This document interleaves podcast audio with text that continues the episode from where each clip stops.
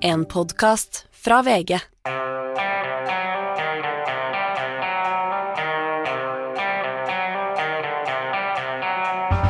Ikke visste jeg at alle disse dagene som kom og gikk, de var selve uke fire. Og for de som ikke hører på oss til daglig av en eller annen grunn, og bare på disse gratisepisodene i helgene, så er det kanskje en nyhet å kunne si at du er tilbake, Hanne? Ja. Tre uker i Vietnam. Ja. Veldig deilig. Ja. Og nå er jeg hjemme igjen. Ja, Snøvær og å være her i Ja. Norge. det er litt fint med vinter i Norge også. Ja, det er fint med vinter i Norge òg. Ja, Men eh, varme er ikke å forakte. nei. Og nå sa du det med veldig sånn ja, det må jeg si, fordi jeg er liksom fortsatt politisk redaktør i VG, men Men om noen uker, Anders, så skal jeg bare si akkurat hva jeg føler. Absolutt alt. kan du ta avstand fra hele det norske klimaet på, på kommentarplass, så lenge det ikke er på lederplass. Ja. Eh, men i hvert fall tilbake til en, eh, hva skal vi si, norsk eh, politisk virkelighet også. Du landa vel omtrent samtidig som eh, master, monstermasterne begynte å rulle inn i, på forsiden her. Ja, jeg, jeg fikk liksom nyhetsvarslene på, nærmest på vei hjem til Norge. Og det er jo noen utrolige historier, da. Og nå, eh, en uke etter at Sandra Borch måtte gå, eh, Kjerkol sitter ennå, Støre har manøvrert seg inn i en posisjon hvor eh, han nå har outsourca dette delvis til, snakket vi om her om dagen, til Nord universitet, og avgjøre om hun skal bli sittende eller ikke. og Hva har dette å si for regjeringen? Ja, du har jo nå en helseminister som har si, avventende tillit, eller kanskje 70% tillit. Vi har snakka om før at tillit er liksom enten null eller 100. Men det er klart at nå er hun litt på venterommet, og, og andre kan på en måte herje med hva de vil. Hun er litt lame duck, kanskje, og vil være det til en avgjørelse kommer. Så at det at eh, Støre Han har ikke gjort det betinget av Nord, men han sier at han avventer avgjørelsen i Nord universitet. Det gjør jo at det er verken eller med henne akkurat nå. Nei, er det dette er et ledende spørsmål, men er det lurt å stille seg sånn? Nei, jeg tenker at han burde sagt jeg har full tillit til Kjerkol, punktum. Og så dersom det kommer en konklusjon fra Nord universitet som eh, ikke er eh, bra for henne, så kan han gå fra null og si nei, nå har jeg ikke lenger tillit. Men det å på en måte Men hvorfor kan han ikke da fortsette tilliten og si vel, vel, Nord universitet, Smor universitet, eh, min tillit er bygget på mitt, min relasjon til henne, og ikke på eh, forskjellige kryptiske regler ved universitetet for hva som er fusk og ikke fusk? Han har jo på en måte sagt det, han har sagt at hun gjør en god jobb som helseminister, bla, bla, bla, men han har kobla det allikevel på et eller annet klønete, støresk vis til Nord universitet sin avgjørelse, og det tror jeg var veldig uklokt. Du skriver om Arbeiderpartiet eh, til i morgen, Ja. og hva sier du for noe? Stakkars Støre, at det er veldig mange som syns synd på han, og det er ikke bra at vi har en statsminister som mange syns synd på. Han har jo stått i en slags perfekt storm nesten siden han tiltrådte, det har vært motbør på motbør, og så har han ikke klart å, å samle Norge og få skape trygghet i en usikker tid. Som jo, usikre tider gir jo mulighet til en leder til nettopp å samle folk og gi trygghet, men det har han ikke helt fått til. Vi hadde en liten diskusjon på morgenmøtet i morges. Ikke krangel, som vi av og til har, men eh, diskusjon med en uenighet var det, Roar, eh, om dette er den svakeste regjeringen eh, i Norge etter krigen, eller kanskje siden vi fikk egne regjeringer? litt vanskelig å, å sammenligne, men i min tid, som husker Nordli-regjeringen og, og Willoch og alt dette, så Du husker Borten òg, du? Jeg husker Borten, men da var jeg jo ikke aktiv. Jeg husker jo Borten som barn. Men Tenk at du husker Per Borten som barn. ja, da, så, gammel. så gamle har jeg blitt, altså. Han løp rundt i kortbuksa den gangen. Nettopp. Men nei, altså, vi, du kan kanskje sammenligne med bråket som var rundt Syse-regjeringen. Der var det jo en slags uh, nedsmelting som i ettertid var kanskje litt urettferdig, men det var veldig vanskelig for Syse å styre. Og så syntes vi litt synd på han etter hvert, og Blåsenborg og alt dette som en del vil huske, men andre har jo hatt trøbbel med sine statsråder og sine regjeringer, for eksempel Jagland. Eh, Det var jo et kort intermesso. Eh, Går han da av etter sitt eget ultimatum til folk osv.? Men jeg syns at den regjeringen vi har nå, er litt spesielt utsatt. Det, og, og jeg har jo en delt opplevelse av dette. Som, som, som velger, som samfunnsmenneske og far og bestefar, så vil jeg jo gjerne se en, en, en perfekt regjering, ikke sant, som styrer landet godt. som, eh, som artist, som kunstner og kommentator, så er jo dette her selvfølgelig veldig takknemlig for meg. Så det blir en slags schizofreni i det hele. Ja. En indre kamp. En indre kamp, men profesjonelt så må jeg bare ta til takke og, og takke for alt jeg har fått. Og det er jo det ene gullkornet etter det andre. Eh, historiker Hans Petter Sjøli, er det den svakeste regjeringen? Nei, jeg må uttale meg som uh, kommentator her, tror jeg. Uh, nei, uh, det, jo, det er jo det. Men det er mye tenk, tenk på det vi om det, da. det er mye svake regjeringer for tiden. Mye rart som skjer i, i, demokratiene. I Storbritannia skifter de jo regjering hele tida. Uh, Roti, altså Du har det som skjer i USA. altså det, Danmark har de fått en merkelig regjering. Sant? Det er mye som uh, det, det, Demokratiet er på en måte en sånn, uh, tung periode, virker det som. og det merker vi i Norge også. og Jeg syns jo det er enig med dem som sier at det liksom føles litt sånn synd på Støre, i den forstand at han har fått veldig mye saker i fanget på kort tid. Eh, og så har det jo litt med at vi i media også følger med mye mer og vi har bedre verktøy før. Så det, jo, det, jo, det, har jo foregått masse skandaler i, i regjeringa tidligere som ikke har blitt omtalt, da, som sikkert hadde fått eh, følger for de enkelte statsrådene, hadde skjedd i dag. Ja, Vi skal snakke litt mer om de verktøyene etterpå, men spørre deg også, Astrid, den yngste blant oss. Eh, syns du dette er den svakeste regjeringen vi har hatt? Eh, jeg vil bare minne om Per-Willy Amundsen og den rekka av justisministre som Erna Solberg har. Vi, vi, jeg tror Roar hadde en del å drive med da, da, kanskje like travelt da som nå, eller? Eh, hvis du spør meg, ja, det var det, men det var likevel et en oppfatning av at Erna likevel styrte. Det var liksom ikke noe tvil om det, selv om det var masse rot og det røyk ut, og, og skulle liksom integrere Fremskrittspartiet inn i en ansvarlig regjering, og det var jo selvfølgelig veldig vanskelig. Men, men, det, men det var jo allikevel ingen fiasko. Det kan man ikke si. Og så må man jo også si uh, at ja, det var Jeg husker ikke hvor mange justisministre det var i Erna Solbergs regjering, men den første satt i tre år. Eh, Støre-regjeringen har nå sittet i ikke fullt to og et halvt, eh, og det har altså vært utskiftning av er det seks statsråder pga. skandaler og, og, et par eh, av, av, helt andre årsaker. Stemmer ikke det omtrent, Hanne? Jo, omtrent. Så hvis de fortsetter i dette tempoet her, så vil de jo tangere Per-Willy Amundsen og litt av hvert. Ja, så må vi huske når det gjelder Erna Solberg at det er, det er før og etter pandemien for hennes del. Hun lå veldig dårlig an. Eh, både på meningsmålinger og med det indre livet i regjeringa da pandemien kom. Jeg eh, husker Venstre, Trine Skei Grande, som eh, gikk ut rett før pandemien kom. Det var oppløsning, sto dårlig til, og så kom pandemien, og så steg Erna Solberg fram og tok grep, stengte Norge, tok ting som vi ettertid kan si var feil. Stengte skoler, delte ut penger, for det kunne hun gjøre i den tida. Så er, hun bygde seg opp gjennom pandemien, så det er veldig forskjell på før og etter pandemien for hennes del.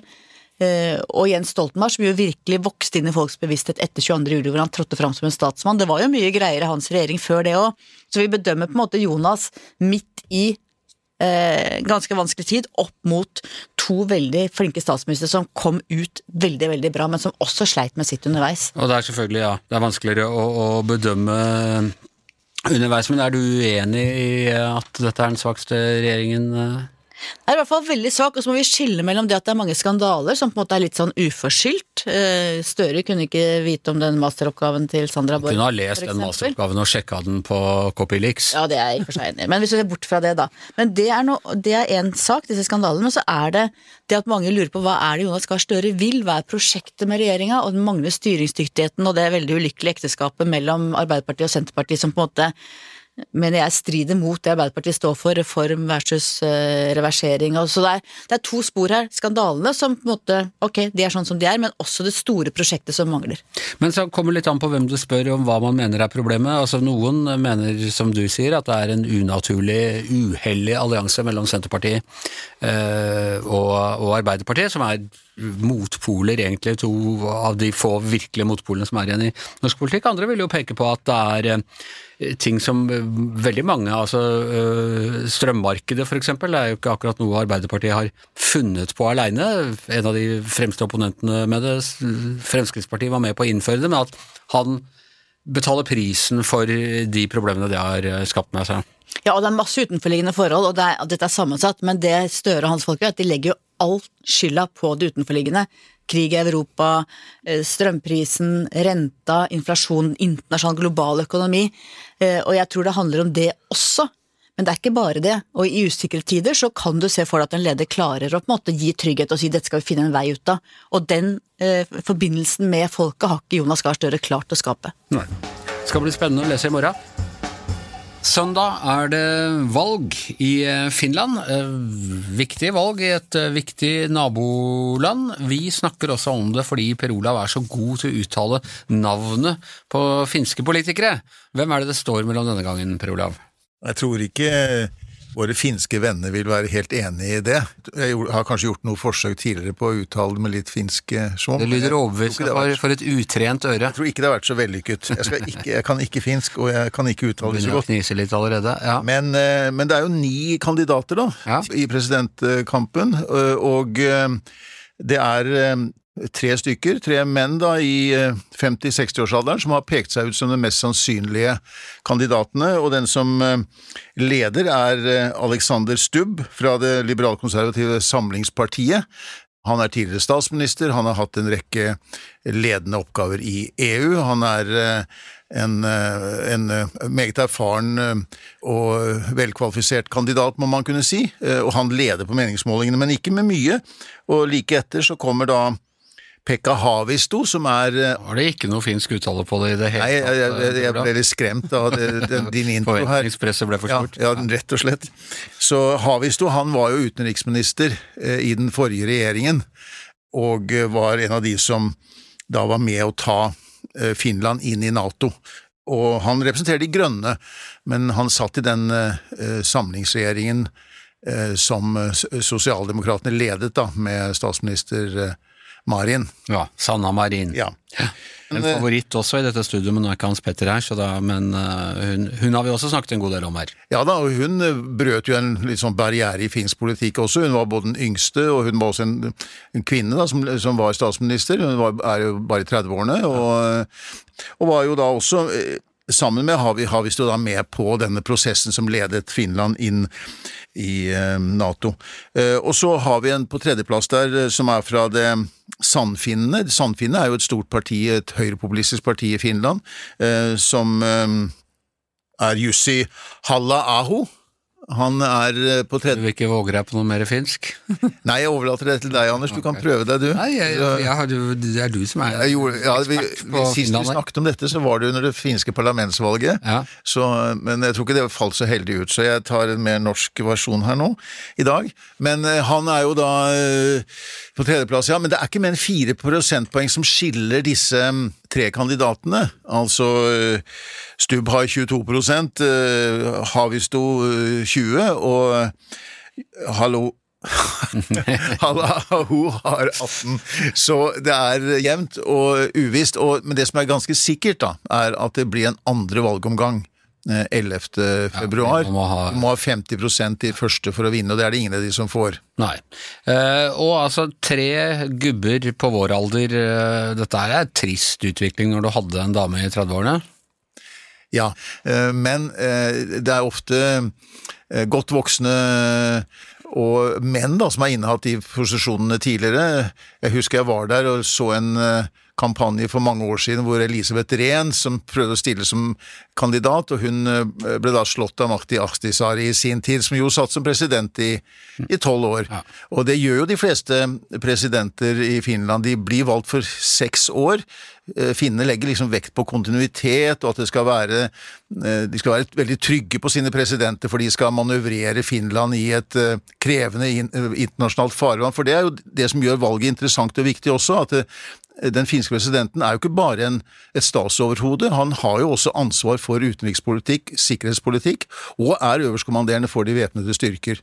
Og nå er altså Finland manøvrert inn i eh, Nato, for første gang i vår tid et eh, ikke-nøytralt eh, land. Har det, har det skapt andre sånn rippeleffekter inn inn i politikken, eller har det gjort det, har dette gått helt smertefritt? Det har gått veldig smertefritt, for det er veldig stor oppslutning om den, den kursen. Eh, Og de ledende kandidatene her eh, til presidentjobben er også eh, sterke tilhengere av Nato, og også støtten til Ukraina. Så der er det ikke noen stor politisk avstand på de ledende kandidatene i denne, i denne valgkampen. Men det at eh, Finland har gått inn i Nato, og det er jo på en måte bare sluttføringen av at eh, Finland for lenge siden har knyttet veldig sterke bånd til Europa og til vest, Vesten, kan du si, da, fordi de ble jo medlem i EU i 1995.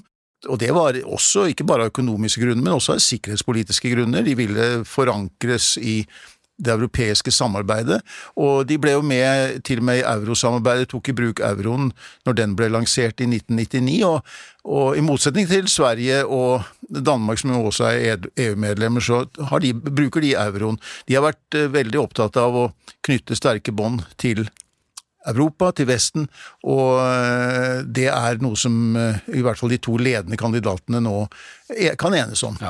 Og Du nevnte det kanskje, men presidenten også, er altså øverstkommanderende for de væpnede styrkene i Finland, så det er en virkelig mektig posisjon? Det er en mektig posisjon, og vi har jo sett at nåværende president eh, Ninistø, Sauli Ninistø, han måte satte i gang litt av denne prosessen. Han hadde denne nyttårstalen sin for vel to år siden. da. Dette var jo på det tidspunktet når Vladimir Putin snakket om at uh, stilte krav da, til Nato. Ingen nye medlemsland i Nato var ett av dem. Uh, og da brukte Ninistø anledningen i nyttårstalen til å si at dette er en beslutning som finnene har en suveren rett til å selv å ta. Mm. Uh, det, er, det, er ikke, det, er, ingen som har noe vetorett over oss. Vi kan selv bestemme hvilken tilknytning vi vil ha, og hvilken utenrikspolitiske, sikkerhetspolitiske kurs vi velger. Og, det, og Ninistø har jo vært veldig viktig også i den, akkurat i den prosessen. Samtidig som Ninistø, der jeg tror det ikke er noen vestlig leder, nåværende vestlig leder som har hatt like mange møter med Putin og antagelig forstår Putin like godt som han. De har også gitt ham en ganske viktig rolle som en som kan på en måte tolke og forstå hva som kommer fra Moskva. Hva med sandfinnene, hvor langt til høyre står de, og hva vil det si for forholdet til Man kan jo stå veldig langt til høyre og være fan av Putin, og veldig langt til venstre og være fan av Putin. Ja, og i dette tilfellet så har jeg oppfattet sånn som uh, Halla Ho, som da er deres kandidat her, er en som er veldig klar på Nato-medlemskapet, og han er også veldig tydelig på å støtte Ukraina. Så jeg tror også på det punktet Han har jo først og fremst markert seg med innvandringsmotstand. Altså det, har vært, det har vært en viktig del for sandfinnene, den kritikken av innvandringspolitikk. Og det er der han har markert eh, en, en, en, avstand. Men akkurat i disse spørsmålene, slik jeg oppfatter det, så er han på eh, mye av den samme kursen. Det har jo også vært en eh, skepsis til sider av EU blant sandfinnene, men det er jo ikke det som først og fremst det handler om nå. Finnene er trygt uh, integrert i, i, Europa og ønsker egentlig et sterkere samarbeid i, i, EU. Ja, og Søndag går de altså til urnene, så resultatet det kan vi snakke om på mandag. Jeg snakket om uh, eller Hans Petter her nevnte at nå har vi helt andre redskaper for å gå politikerne etter i sømmene. Et av de redskapene er Eh, programmer som kan sammenligne store mengder med tekst. Eh, det er en liten uenighet Altså, noen sier at dette er AI, eh, Astrid, men det er vel ikke helt riktig? I hvert fall så brukes det programmet som heter Copyleaks nå masse av media, og skaperen bak det programmet, som har eh, sin erfaring fra israelsk etterretningstjeneste, sier i hvert fall at uh, Copylix bruker AI til å kjenne igjen mønstre i teksten, avvik fra tonen i, ellers i teksten, og sammenligne med milliarder sikkert av uh, andre masteroppgaver og annen tekst for å finne tekstlikhet. Samtidig så er vi hele tiden nødt til å sette på menneskelig intelligens når vi jobber med dette i redaksjonene, for å sjekke at uh, de eksemplene som disse programmene finner fram, virkelig stemmer. For hvis vi bare hadde kjørt ut det de fant fram, så hadde det hadde det ikke sett bra ut? Ja, ja, klart, Anders. De kan finne masse masse mer juks uh, enn det som er realiteten. Da. Det har jo spredd seg en sånn farsott blant mine venner og kollegaer det siste om å sjekke mastergraden sin med angst. og Jeg fant 10 tekstlikhet, jeg har kanskje juksa! og så er det som Når du begynner å se på det, så, så, er det det at f.eks. at noen andre har sitert deg og da får du tekstlikhet, at eh, teksten har kommet ut etter din masteroppgave. Eller at eh, det er en kilde som mangler i, eh, i tekst- eller juksedetektoren, f.eks. norske lærebøker og litt vanskelig tilgjengelig materiale digitalt sett. Det mangler ofte i sånne, sånne program. Da. de vokser jo hver dag og driver og støvsuger internett for, for, å få enda mer å sammenligne masteren din med, ikke minst nå da, når de har fått en kjempe kjempesales-pitch gjennom den eh, omtalen som programvaren har fått. Så nå driver alle og laster opp, eh, betaler faktisk for å laste opp masteren sin til det programmet her, som bare vokser og vokser og vokser. Ja, jeg får ta og kjøre min eh, mellomfagsoppgave om norske undergrunnstegneserier fra Bø i Telemark i 1984 gjennom der også, selv om jeg stjal uh, noe av den. Men uh, tror du, altså, er det urettferdig? Er, er, gjør disse programmene Eh, er de urettferdige, eller kan vi stole på de resultatene som kommer der, at de er rimelige innvendinger mot disse mastergradene? Jeg tror det, de er urettferdige, og jeg tror ikke man kan stole på dem. Men så står det jo da med liten skrift uh, i alle de salgskontraktene at uh, disse programmene må brukes med, med kløkt og et menneske med å se på resultatet etterpå. Og det gjøres jo på norske høyskoler og norske universitet, at de sjekker det mot funna da, mot, mot f.eks. lærebøkene de har på hylla på kontoret, eller andre artikler og sånt.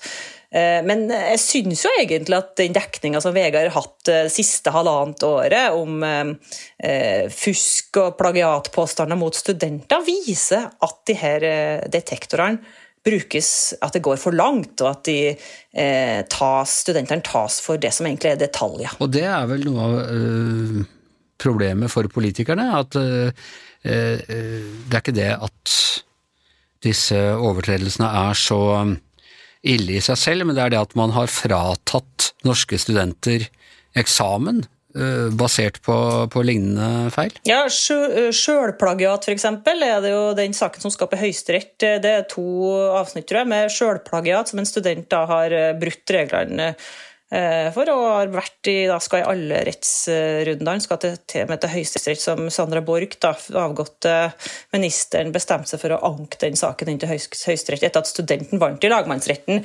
Så VG har skrevet masse sånne saker om eh, studenter som har blitt beskyldt for det ene med det andre. Samarbeid, manglende sitat. Og så er det sånn at Eh, de ofte òg møter den eh, utfordringa i retten, da, at de må bevise sin egen uskyld, altså omvendt bevisbyrde. Så de aller, aller, aller fleste har tapt i retten. Ja, dette med selvplagering, dette har Yngve Kvistad og jeg i alle år holdt på med at det er lov til å plagiere seg selv når vi av og til låner fra noe vi har skrevet tidligere. Nå, jeg, vil bare, jeg ville bare kontakte advokatene, okay, ikke si noe okay. mer nå. Da skal ikke, skal ikke jeg si noe mer om det. Men apropos det, altså en uh, sak jeg er usikker på er Nettavisen eller TV 2 som uh, hadde den først, om uh, Trond Giske, tidligere nestleder i Arbeiderpartiet. Da han måtte trekke seg fra det vervet, så var han student en periode. Skrev en masteroppgave om det vi i Follo kaller somewheres og anywheres, altså forskjellen på folk med lokal forankring og den globalistiske eliten, og hvilket problem dette utgjorde for Arbeiderpartiet. Denne masteroppgaven har eh, medier da prøvd å få tak i for å kjøre den gjennom disse her eh, Copyleaks-maskinene sine og se om han har eh, kopiert noe, eller om det er noe tekstlikhet, som man nå kaller det. Og det har de ikke fått, fordi han har unntatt den for offentlighet, og han har, så vidt jeg har skjønt, ikke svart på henvendelsene om å utlevere den. Hva tenker du om det, Astrid? Er, er vi liksom kommet der at hvis du ikke er villig til å vise fram masteroppgaven øh, din, og det kan det være flere årsaker til, så, så er du mistenkeliggjort? Jeg syns egentlig at uh, lærdommen av det her er uh, jaget på plagiat bør være at uh, vi slutter litt med det. I USA så har vi jo sett at det har utarta til ren kulturkrig, at fiender Eh, forfølge hverandre med sånn eh, juksedetektorer. Vi husker saken fra Harvard der rektoren måtte gå av etter plagiat, som egentlig handla om noe helt annet. Hun måtte gå av fordi eh, hun var for woke. og Det førte til en sånn bølge av plagiatanklager både mot republikaneren, som hadde anklaga rektoren ved Harvard, og kona til hoveddonoren. Og nå driver vi på her i Norge og hører liksom, jeg ser på sosiale medier at liksom, folk som er sure, skal sende juksedetektorer etter alle.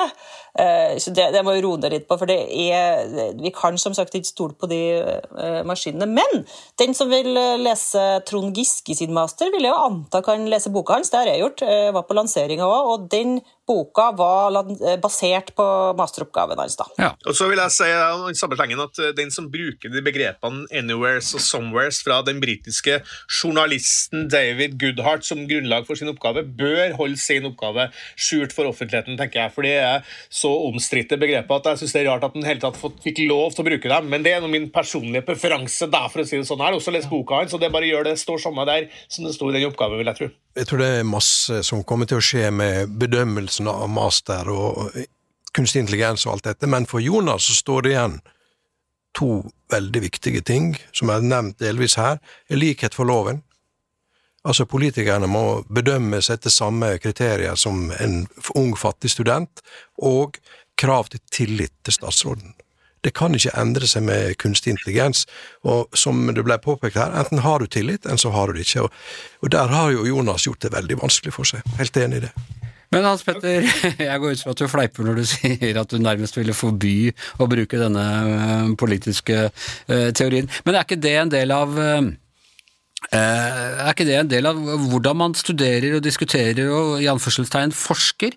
Man tar noen altså Dette er en teori fra England, og så prøver man å implementere den på norske forhold og ser om den fungerer der også. og blir det ikke nødvendigvis en del sånn overlapping i eh, den typen å drive kunnskapsundersøkelse og formidling på? Jo da, eh, jeg fleipa litt, for jeg, mener de begrepene er så dårlige begrepene er så utrolig dårlige. Skjønner, altså, det var en kulturkrig om de tingene der rundt for fem, seks, sju år siden. Jeg skjønner ikke hvorfor de holder på med det fortsatt, men det er, også, det er min egen personlig personlige preferanse. Men de nye masteroppgavene som skrives nå, eh, er jo prega av mye samme, samme, type metode, og da er det lett at du bruker igjen mye av de samme formuleringene som, som da er fra de lærebøkene som de metodene er henta fra seg. Jeg syns ikke det er så veldig rart at det, det oppstår visse sånne tekstlikheter rundt omkring. da. Så vil jeg bare legge til én ting til, og det er at når regjeringa nå eh, anker den saken opp til Høyesterett, så er jo ikke det for å, nødvendigvis for å ta studenten. Eh, eh det er jo, hun, hu, Studenten sjøl har jo ikke noen omkostninger med den saken, f.eks. Det tar staten sjøl. Det er vel mest for å avklare hva som egentlig er regelverket her, da, og få en rettslig avklaring på det. Det er vel det de er ute etter. Så, så liksom at, at eh, regjeringa er ute til å ta alle studentene, det er vel kanskje en sannhet med visse modifikasjoner såpass eh, ja, må, det, det, tror jeg kanskje vi bør legge til litt da når vi, når vi diskuterer tingene her. Vi må altså ta med, vi har snakket om det nesten hver eneste dag eh, denne uka, men vi har eh, vært eh, vitne til implosjonen av Industri- og Næringspartiet for åpen scene, eller åpen mikrofon mer eller mindre i Politisk kvarter. I går var eh, partileder Waltersø gjest, fortalte om hvordan han nå skulle rydde opp i eh, alle greiene, og før vi gikk hjem til middag i går, så hadde han fratrådt. Og hva er egentlig ståa der nå, Hans Petter? Ja, Det jeg jeg er et kjempegodt spørsmål, for det, det, det, er ikke så lett å si. Men, men alle ble jo tatt litt på senga der da Waltersø trakk seg, på en, en, innlegg på Facebook eh, der han la ut et bilde av seg sjøl i bar overkropp for øvrig, veldig, og fikk mass, massiv, massiv massive kommentarer under. og sånn, Litt rørende greier. Men uh, han er da i hvert fall erstatta av nestleder Joar Nesse, som nå da, er midlertidig leder i uh, Industri- og Næringspartiet. tidligere sånn fagforeningsmann fra Bømlo. og det var jo det vi snakka om tidligere i uka, var jo at Eh, for Waltzersjø så var jo liksom, Problemet nå var jo at han eh, måtte velge skulle han være diktator eller skulle være demokrat. Eh, og vi, I, vi nevnte jo Carl I. Hagen i Fremskrittspartiet etter hvert. Han var jo ganske diktat, diktatorisk og fikk jo det til slutt som han ville, og fikk jo til å bygge et stort parti.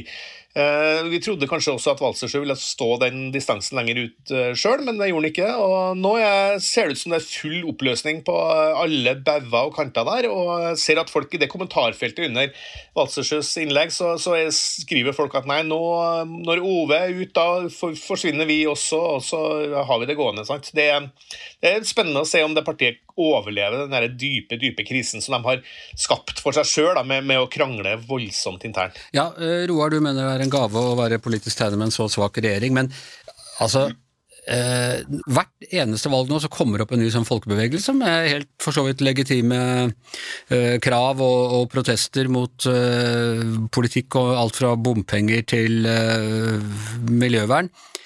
Men de snubler altså omtrent alltid over eh, startstreken og begynner å krangle seg imellom. og det er jo en det, kanskje noe som har med hele den politiske kulturen å gjøre? At det er ikke mulig å drive politikk lenger? Veldig mange av de partiene vi har i dag, har jo vært veldig små. Og liksom avleggere fra venstre videre. Men Men vi skal et stykke tilbake i tid, da. vi skal litt tilbake i tid. Men eh, den som klarte det, var jo Carl I. Hagen, da. Og, og han var jo for det første konstitusjonelt veldig sterk. Og han hadde studert Einar Gerhardsens Tillitsmannen, hvordan du bygger et parti steg for steg. Han hadde masse utrenskninger, som vi husker godt. Vi kalte det for Dolkesjø, altså møte oppe på Bolkesjø hotell, og hvor han eh, renska ut uten nåde, og satt på toppen, og det var sikkert helt nødvendig.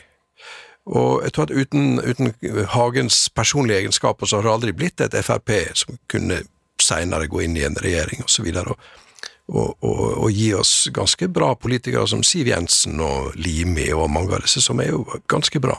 Ja, Sylvi Listhaug. Sølvi, ja. Hva tenker du, Hanne? Er det mulig å starte altså For Carl I. Hagen det begynner tross alt å bli ja, 50 år siden, tror jeg faktisk, at han overtok for uh, Anders Lange på Stortinget. Så det er jo ikke Og så har du Rødt, selvfølgelig, men som har vokst ut av en annen politisk bevegelse. Uh, er det mulig å starte nye politiske partier? Ja, vet du, Det tror jeg hvis du ser på Europa nå, hvor det vokser fram populistiske, bevegelser, og hvor det er eh, mye uro og mye misnøye, så tror jeg absolutt, som vi så Bompengepartiet, som jo eh, reiset seg og forsvant igjen, men at det er rom for det, hvis noen virkelig treffer tonen, det tror jeg. Ja. Uh, Astrid, er det, er det mulig? Kan et vanlig menneske sette i gang en politisk bevegelse og reise hele veien inn til uh, stortingspresidentjobben, f.eks.? Jeg tror i hvert fall at hvis det er Gjæver og gjengen som starta det partiet, og Anders Gjæver tenker å bli stortingspresident, så går det bra. Eh, Men så har vi det der problemet ja, nei, men altså eh, Trump, Biden, du er jo langt, langt yngre enn dem, herlighet. Eh, Men jo, det jeg skulle si at vi, Hvis vi hadde vært i Danmark, hadde det vært lettere, for der er det jo lavere sperregrense, mens her må det jo over 4% da. Så det skal jo litt til, eh, kanskje. Men, eh, og alle de protestpartiene vi har hatt, de har jo forsvunnet, da. Vi ser jo Dan Danmark er jo et veldig godt eksempel. Da. Lars Løkke Rasmussen, som nå er utenriksminister, han gikk jo ut som, eh, av Venstre, som han var partileder for, og danna sitt eget parti. Helt nytt parti, som heter Moderaterne. Og de, modera, Moderaterne, og de sitter jo i regjering nå, så det går jo an. Og i Frankrike for eksempel, så du jo Macron, som jo ble president for et helt nytt parti som ingen har hørt om før. Så det går jo an, men samtidig så viser jo forskninga og den norske eh, partisystemet at det er veldig seigliva, og at det er ganske sånn vanskelig å trenge gjennom der du har. Altså, Rødt har klart det nå, men de har holdt på en stund, da, og Miljøpartiet De Grønne klarte jo etter hvert, men de sliter jo fortsatt med å, med å komme over den sperregrensa, så det skal mye til for et nytt parti å etablere seg i Norge. Ok, jeg tror vi lar den partiideen eh, hvile litt, eh, Astrid, men kanskje det åpner seg en eh, mulighet etter neste stortingsvalget. I mellomtiden så tenkte jeg å ta en runde på eh, tips til helgen, hva man kan gjøre i helgen, gjerne kulturelle, men også andre typer opplevelser. Kanskje begynne hos deg da, i Rindalen, eh, Astrid? Yes, eh, Mr. President. Jeg fortsetter der jeg slapp forrige helg, eller forrige fredag, med appen ChatGPT. eh, Som altså er en abonnementstjeneste som betaler 20 dollar. Ikke ta feil i eh, AppStore, ta riktig ChatGPT. Der er det kommet en artig sånn liten eh, hodetelefonikon på, på høyre side ved siden av der du skriver teksten. Hvis du trykker inn på den, så kan du altså da få oversatt det du sier til islandsk, australsk Den snakker alle språk. Og jeg har fått den til å lage en liten gøy islandsk rapp til meg.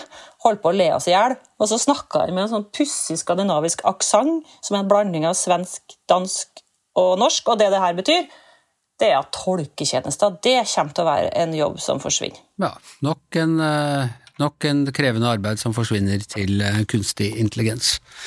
Hva med deg, eh, Hanne? Jeg hørte på NRK filmanmeldelse av filmen The Zone of Interest om Rudolf Hess, hvor NRK ga den terningkast seks nå denne uka her, som handler om et mørkt bakteppe, Auschwitz, Rudolf Hess som da er sammen med familien sin, og alt er søtt og hyggelig med bakteppet som er helt fryktelig. Så jeg tror kanskje jeg skal prøve å få meg noen på kino. Det er pussig at du sa det, så jeg har skrevet opp Jeg hadde også Sound of Interest, men det er fordi jeg begynte å lese boka den er bygget på, til Martin Amis. Så jeg tenkte å se filmen, ja, men jeg tenkte jeg skulle lese boka først, og da kan du virkelig snakke om eh, ondskapens eh, banalitet, dette er nærmest pyntelige forsvarslivet eh, som ligger da altså helt inntil den største utryddelsesleiren. Roar? Du, jeg har lyst til å peke på en av mine favoritter, nemlig forfatteren Mona Renate Ringvei, som skriver så fortreffelig om Norge. og Nå har hun utgitt en bok som heter Eilif og Oline, hvor hun går inn i sin egen slekt, eh, og litt dunkle familieforhold, og det å trå feil under krigen, med å gå i tyskernes tjeneste osv., som er nok et, et viktig bidrag til å forstå okkupasjonshistorien vår, og, og hvordan det var å leve den gangen. Så den er nå helt oppslukt av. Ja. Som dere skjønner, eh, kommentaravdelingen i VG er opptatt av annen eh, verdenskrig eh, fremdeles. Hva med deg, historiker Hans Petter Sjøli? Ja, det er veldig morsomt, for det er eller morsomt, veldig tragisk egentlig. fordi jeg er også opptatt av krigen for tida. og, og det, det, Mitt tips handler om det samme, nemlig filmen 'USA og Holocaust'. En dokumentarfilmserie som ligger på NRK-appen og laga av uh, legendariske vil jeg si, Ken Burns, en av de beste dokumentarfilmskaperne i, uh, i moderne tid. og han har, Det er en serie som handler om om eh, isolasjonismen i USA før eh, andre verdenskrig, hvor vanskelig det var for å komme inn som innvandrer, hvor vanskelig det var å flykte fra naziregimet og komme inn i USA. Og det var ikke bare USA også, alle andre land, Norge deriblant. Eh, det er en kjempegod serie, veldig dyp serie, går, går over seks timer og ender opp i en ganske sånn direkte parallell til hvordan verden har blitt i dag. Eh, hvor da Ken Burns mener å identifisere en del ting som skjedde den gangen, som, som vi ser liksom, konturene av i dag også. Jeg anbefaler veldig den serien. Den følger også veldig nøye med på hva som skjedde, og dokumenterer veldig godt hva som skjedde da i, i konsentrasjonsleirene, bl.a. Auschwitz, som er nevnt tidligere her. Eh, den ligger på NRK-appen. Den varer i seks timer. Det tar sin tid, men du verden, det er rystende TV, altså. Ok, det var gladtipsene fra uh, eh, og gjengen. Med det så er vi ferdige for denne uka. I morgen uh, er det mediebobler. Da kommer Vibeke Fyrst Haugen, NRK-sjef, på besøk til Gard Steiro og meg. Og hun og Gard diskuterer bl.a. hvordan det er å være leder for en stor medieinstitusjon og bli utsatt for journalistikk. Eh, og temmelig pågående journalistikk, så last oss ned. Vi ligger ute fra klokka sju i morgen. Med det så er Giæverøy-gjengen over. Tusen takk til eh, Per Olav Ødegaard, Hanne Skartvedt, eh, Roar Hagen, Astrid Mæland, Hans Petter Sjøli, jeg heter Anders Giæver. Og master, commander og produsent er som vanlig Magne Antonsen. Du har hørt en podkast fra VG. Ansvarlig redaktør Gard Steiro. Kan du gjenta den islandske rappen? Certainly, here's the Icelandic rap about Anders podcast again. Anders i podcast sin søger Seger med Orðaflim. I Noregi landi fjalla og fjörð, han ræður ríkjum i orðaþjóð. Plustendur fylgja i hverju spjalli Anders leiðir med hug og hæfilega snjalli. Kan du snakke litt norsk? Selvfølgelig jeg kan snakke norsk. Hva vil du snakke om eller vite mer om? Hva er den vakreste bygda på Nordmøre? Det er et spørsmål som ofte avhenger av personlig smak. Men mange vil si at Grip er en av de vakreste bygdene på Nordmøre. Grip er en liten øygruppe som ligger om lag 14 km ut i havet fra Kristiansund. Den har en rik historie og er kjent for sin pittoriske beliggenhet og sjarmerende, fargerike trehus. Husk at skjønnhet er subjektiv, så andre kan ha andre favoritter.